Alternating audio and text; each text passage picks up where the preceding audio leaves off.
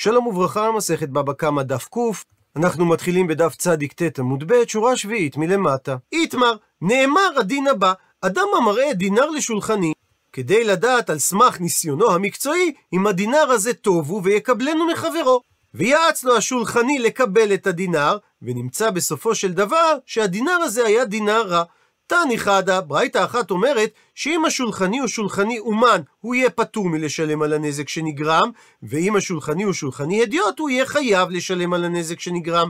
ותניא אידך, וברייתא אחרת לעומת זאת אומרת, שבין אם השולחני היה שולחני אומן, בין אם הוא היה שולחני הדיוט, בשני המקרים הוא יהיה חייב לשלם על הנזק שנגרם. ולכאורה הברייתות סותרות זו את זו. מתרץ את הסתירה אמר רב פאפא, כי תניא, ברייתא שאמרה ששולחני אומן יהיה פטור, היא מדברת כגון שאותו שולחני הוא מקצועי, כמו דנקו ואיסור, שהם היו שולחנים מפורסמים למקצועיים, דלא צריכה למיגמר כלל, שאין להם יותר מה ללמוד. אלא אם כך, במאי הם טעו? הם טעו בסיקתא חדתא, דהאישתא דנפק מתותא סיכתא. שהמלכות בדיוק פסלה מטבע קיים והעמידה צורה של מטבע אחרת, וזה עוד לא התפרסם, כך שגם הבקיאים ביותר עדיין לא היו בקיאים בה. ומספרת הגמרא, האיתתא אותה אישה דאחזיה דינרה שהראתה דינר לרב חייא, כדי לשאול אותו אם זה דינר טוב. אמר לרב חייא שהדינר הזה מעליה הוא, למחר עתי לקמא. חזרה ובאה האישה לפני רב חייא, ואמרה לי, אחזיתי. רציתי לשלם בדינר הזה, והראיתי אותו לסוחרים, ואמרו לי הסוחרים, בישהו. זה דינר לא טוב ולא כנפיק לי, ועכשיו אני לא יכולה להשתמש בו. בעקבות כך, אמר לי רב חייא לרב, זילך אלפי ניאלה, תחליף לה את הדינר, וכתוב הפנקסי בתיעוד להנהלת חשבונות, דין עסק ביש, שההוצאה הזאת היא בגין סחורה רעי, שעל עסקי חינם אני מפסיד, כי מראש לא היה לי לראותה. ולהביע את דעתי שהדינר הזה הוא דינר טוב. שואלת על כך הגמרא, ומה ישנה? במה שונים מומחים שהזכרנו כגון דנקו ואיסור דפטירי, שהם פטורים במקרה מעין זה, משום דלא צריכי למיגמר? שהרי אין להם מה יותר ללמוד כי הם מומחים במקצוע, והלא רב חייא נמי לאו למיגמר כבאי. גם הוא מומחה בראיית דינרים, ואין לו מה ללמוד יותר בתחום. אז מדוע הוא שילם על הנזק שהוא עשה לאותה אישה? עונה הגמרא, רב חייא לפנים משורת הדין הוא דאבד. כדתני, כפי ששנה רב יוסף את הברייתא הבאה על הפסוק נקרא בפנים, והזהרת אתהם את החוקים ואת התורות, והודעת להם את הדרך ילכו בה, ואת המעשה אשר יעשון. שהמילים והודעת להם זה בית חייהם. דהיינו תלמוד תורה, שעליה נאמר כי הם חיינו ואורך ימינו. המילים את הדרך זו גמילות חסדים. המילה ילכו זו ביקור חולים. המילה באה זו קבורה, ואומר רש"י שהגמרא במסכת בבא מציע שואלת, הרי ביקור חולים וקבורה כבר נכללו בגמילות חסדים, ועונה שם הגמרא שלגבי ביקור חולים, מדובר על אדם המבקר חולה שהוא בן גילו, באותו מזל כמות שהוא, והוא נוטל על ידי ביקור החולים אחד משישים בכל יום. ולכן זה לא כלול בגמילות חסדים רגילה, כי יש כאן הקרבה עצמית. והקבורה עליה מדובר שהקובר הוא זקן או חכם שזה אינו לפי כבודו, כך שזה לא נכלל בגמילות חסדים רגילה, ואפילו אחי, אומרת התורה שהוא חייב. והמילים את המעשה זה הדין, והמילים אשר יעשון זו לפנים משורת הדין. וכך נהג רב חייא, כאשר הוא שילם לאישה עבור הדינר, למרות שהוא לא היה חייב בכך. מביאה הגמרא מעשה נוסף, ריש לקיש אח ולי דינרה, הראה דינר לרבי אלעזר, כדי שיחווה דעתו על טיב הדינר. אמר רבי אלעזר לריש לקיש, שהדינר הזה מעל יהו. אמר לריש לקיש לרבי אלעזר, חזי דהלך כסמכינה. תראה, תהיה מודע לכך שאני סומך על עצתך. אמר לרבי אלעזר לריש לקיש, כי שמחת עליי, מאי למימרא. מה באת לומר כשאמרת שאתה סומך עליי? דאם ישתכח, כי אם יימצא בסופו של דבר שעצתי הייתה גרועה, וזה דינר בישה, אז באינה להחלוף אלך? אני אצטרך להחליף לך את הדינר הזה לדינר טוב? והא, אתו דאמרת שרבי מאיר הוא דדיין דינא דגרמי. מה אליו, האם לא התכוונת לומר שרק רבי מאיר הוא זה שדן דינא דגרמי, ולא סבירה לן כבתי? אבל להלכה אנחנו לא סוברים כמותו. וכפי שכבר הסברנו, גרמה זה היזק ודאי ומיידי אך לא ישיר, דהיינו הנזק לא בא ישירות מהמעשה של המזיק, אלא כתוצאה מפעולה שהוא עשה. לדוגמה, אדם מראה דינר לשולחני המומחה לכספים, ואותו שולחני נותן חוות דעת חיובית על הדינר, אך באמת הדינר אינו טוב. בגלל חוות דעתו של השולחני, המוכר בהכרח יצטרך לקבל את הכסף. במצב זה, הנזק הוא ודאי, אבל ההיזק לא נעשה ישירות על ידי השולחני, אלא הנזק נעשה בגלל שסמכו על המלצתו. אז אומר רבי אלעזר לריש לקיש, העצה שאני נותן לך היא דינא דגרמי, והרי אתה ריש לקיש אמרת שרבי מאיר הוא שיטת יחיד שהוא דיין דינא דגרמי. אמר לי, ענה לו ריש לקיש, לא הבנת נכון את דבריי. רבי מאיר דן דינא דגרמי וסבירא לן כבתי. ואנחנו סוברים שהלכה כמותו. ומחפשת הגמרא, היי רבי מאיר. מאיזו הוראה של רבי מאיר למד ריש לקיש שרבי מאיר דיין דינא דגרמי? ומביאה עכשיו הגמרא ארבע ממרות שאולי מהם למד ריש לקיש שרבי מאיר דיין דינא דגרמי. ובסוגריים מביאה הגמרא סימן לזכור את סדר המימרות, ד' ל' מ' פ', כאשר כל אות היא האות הראשונה של המקור התנאי, בו מובאת המימרה של רבי מאיר, ולהלן המימרה הראשונה. אילם האם תאמר שריש לקיש למד שרבי מאיר דיין דינא דגרמי מהדתנן, מהמשנה הבאה במסכת סנהדרין, דיין שדן את הדין, זיכה את החייב, או חייב את הזכאי, או טימא את הטהור, או תיאר את הטמא. הדין שמה שהוא עשה עשוי, ולא מבטלים את פסק הדין, ואת ההפסד שנגרם, וישלם הדיין מביתו. ועל פי הכלל, שסתם תנא זה רבי מאיר, אז לכאורה זה המקור שרבי מאיר דיין דינא דגרמי. שהרי ההפסד נגרם כתוצאה מפסק הדין של הדיין, באופן ישיר ומיידי, אבל לא על ידיו ישירות.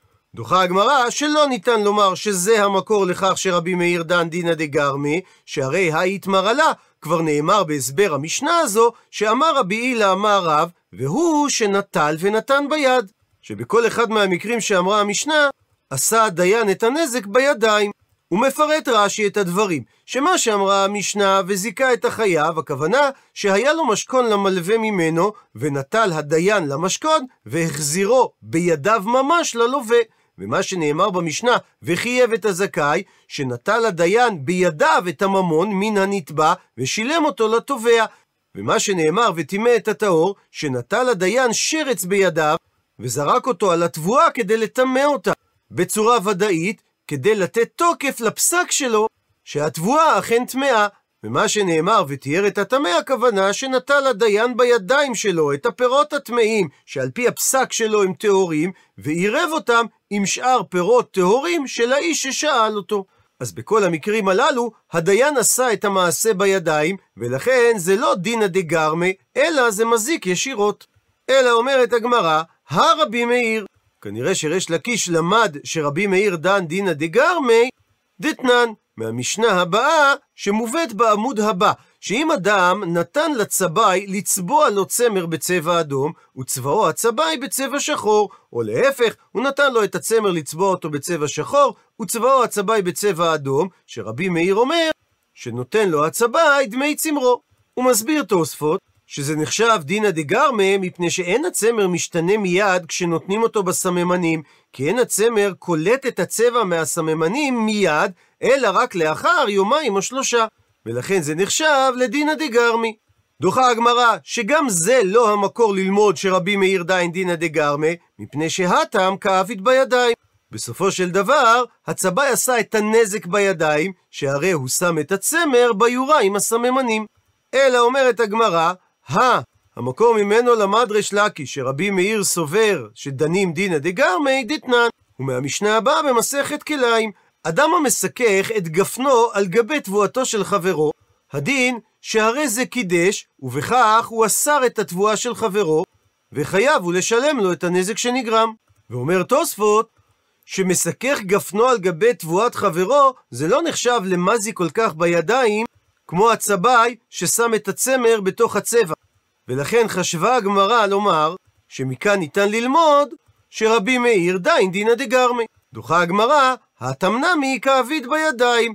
גם שם, במסכך גפנו על גבי תבואתו של חברו, זה לא נחשב לדינא דגרמי, אלא נחשב לנזק שהוא עושה בידיים. אלא אומרת הגמרא, הרבי מאיר. להלן המקור ממנו למד ריש לקיש, שרבי מאיר דן דינא דגרמי דתניא, ששנינו בברייתא.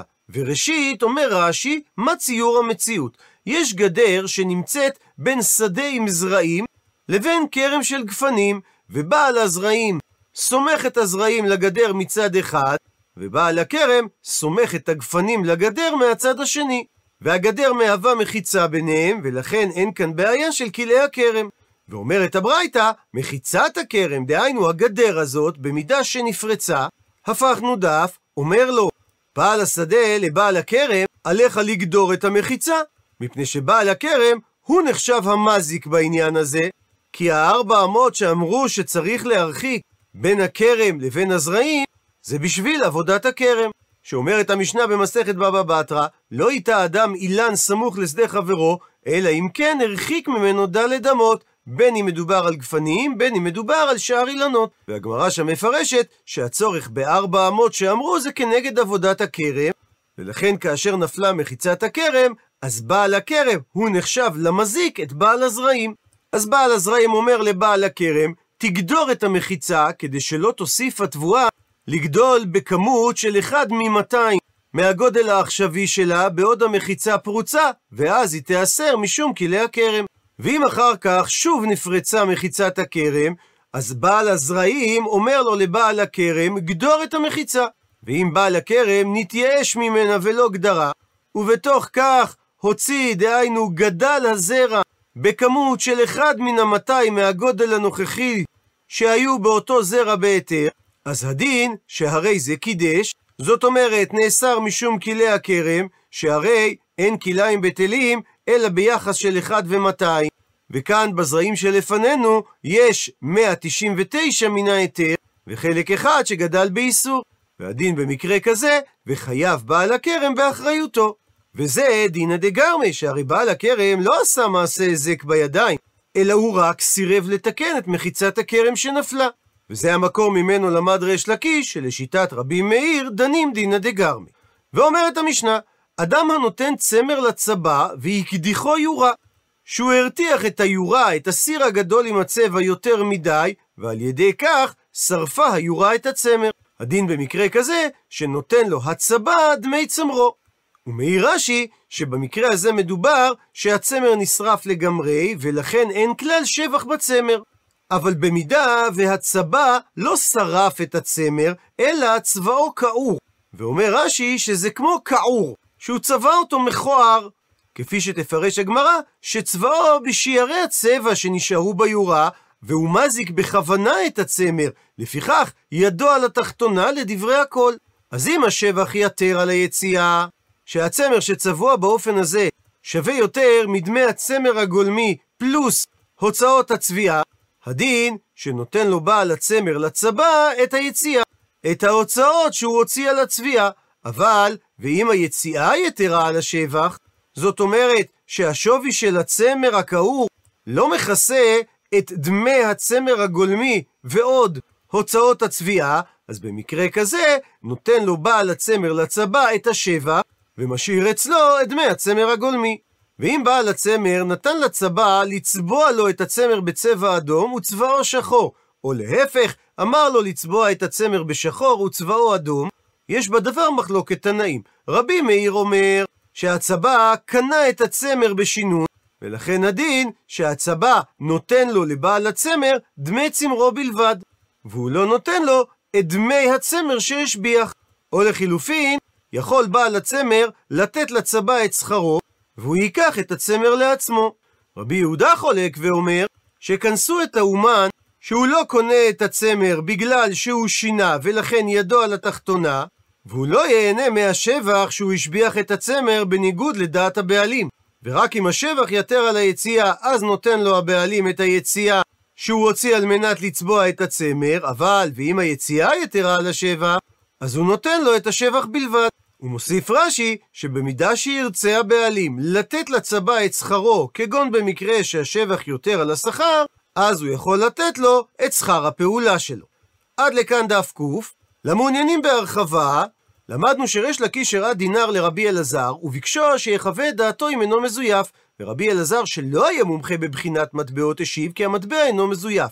בתגובה אמר לו ריש לקיש, הלך כסמכינא, כלומר, אני סומך על שיקול דעתך, ואם יתברר שטעית, עליך לפצות אותי על ההפסד שנגרם לי בגינך, כדין המזיק את חברו בגרמה, וכך גם נפסק להלכה. על פי זה, מחדש בעל השלטי גיבורים, הלא הוא הרב יהושע בועז ממשפחת ברוך מהמאה ה-16, היה מגדולי הפוסקים האחרונים, בעל הפירוש הנודע, שלטי הגיבורים על הריף, וציוני מסורת הש"ס, תורה אור, ואין משפט נר מצווה על תלמוד בבלי. הוא חי בתקופת ראשוני האחרונים, בזמנם של רבי יוסף קארו, מחבר השולחן ערוך והרמ"א. רבי יוסף קארו לא ראה את הספר שלטי הגיבורים שנדפס בתקופה חופפת להדפסת השולחן ערוך. לעומת זאת, הרמ"א הרבה להביא פסקים מספר זה, והוא מכנה אותו הגאות אלפסי. מגיל 23 עד גיל 36 הוא חיבר את חיבוריו, ובנוסף, הוא זה שציין בתוספות את כל הפניות הדפים. חיבורים אלו מלמדים על בקיאותו העצומה בתורה. הוא נפטר בשנת שט"ו, 1555 למניין הנוצרים. והוא פסק כי לא רק אדם שקבע על חפץ פגום שהוא כשיר חייב לשלם, אלא גם המייעץ לחברו בדבר אופיו של פלוני, כאשר חברו מברר עליו אם אפשר לסמוך על יושרו, או אם הוא אדם ממי שניתן להלוות לו כספים בלא חשש לפרעונם, וחברו סומך על דיברתו, חייב המייעץ לשלם למלווה את סכום ההלוואה, אם הלווה לא פרע אותה. בנוסף לכך, גם כאשר המתייעץ לא אמר לחברו באופן מפורש שהוא סומך על דבריו בלבד, עדיין חייב המייעץ לשאת בתוצאות דבריו, אם היה ברור ומובן מאליו שהוא סומך על דבריו. עם זאת, במקרים מעין אלו יש לוודא באופן מוחלט שהמתייעץ סמך על דבריו בלבד.